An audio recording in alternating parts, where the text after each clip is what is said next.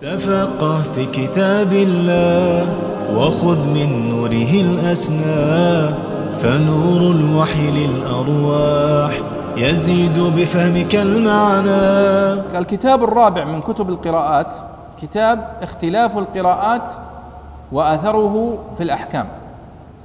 اختلاف القراءات وأثره في الأحكام. للدكتور المبدع المتفنن الشيخ عبد الهادي حميدتو.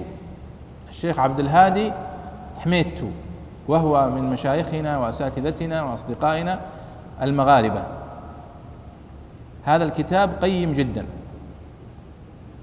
اختلاف القراءات وأثره في الأحكام. وهو كتاب مطبوع طبعته وزارة الأوقاف البحرينية.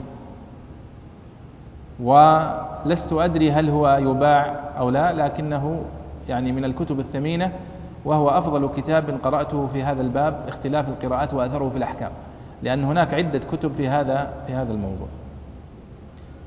إذا هذا أيها الإخوة ما يتعلق بالقراءات. لاحظوا أنني قدمت ما يتعلق بالمقدمات والممهدات التي لا تختص بباب دون باب ثم ثنيت بتجويد القرآن باعتبار أنه أول واجب على من يتعلم القرآن هو إتقان تلاوته وتصحيحها وما يتعلق بذلك ثم القراءات وكيف نشأت وما هي آه، التفاصيل خلف ذلك آه، خلف هذا.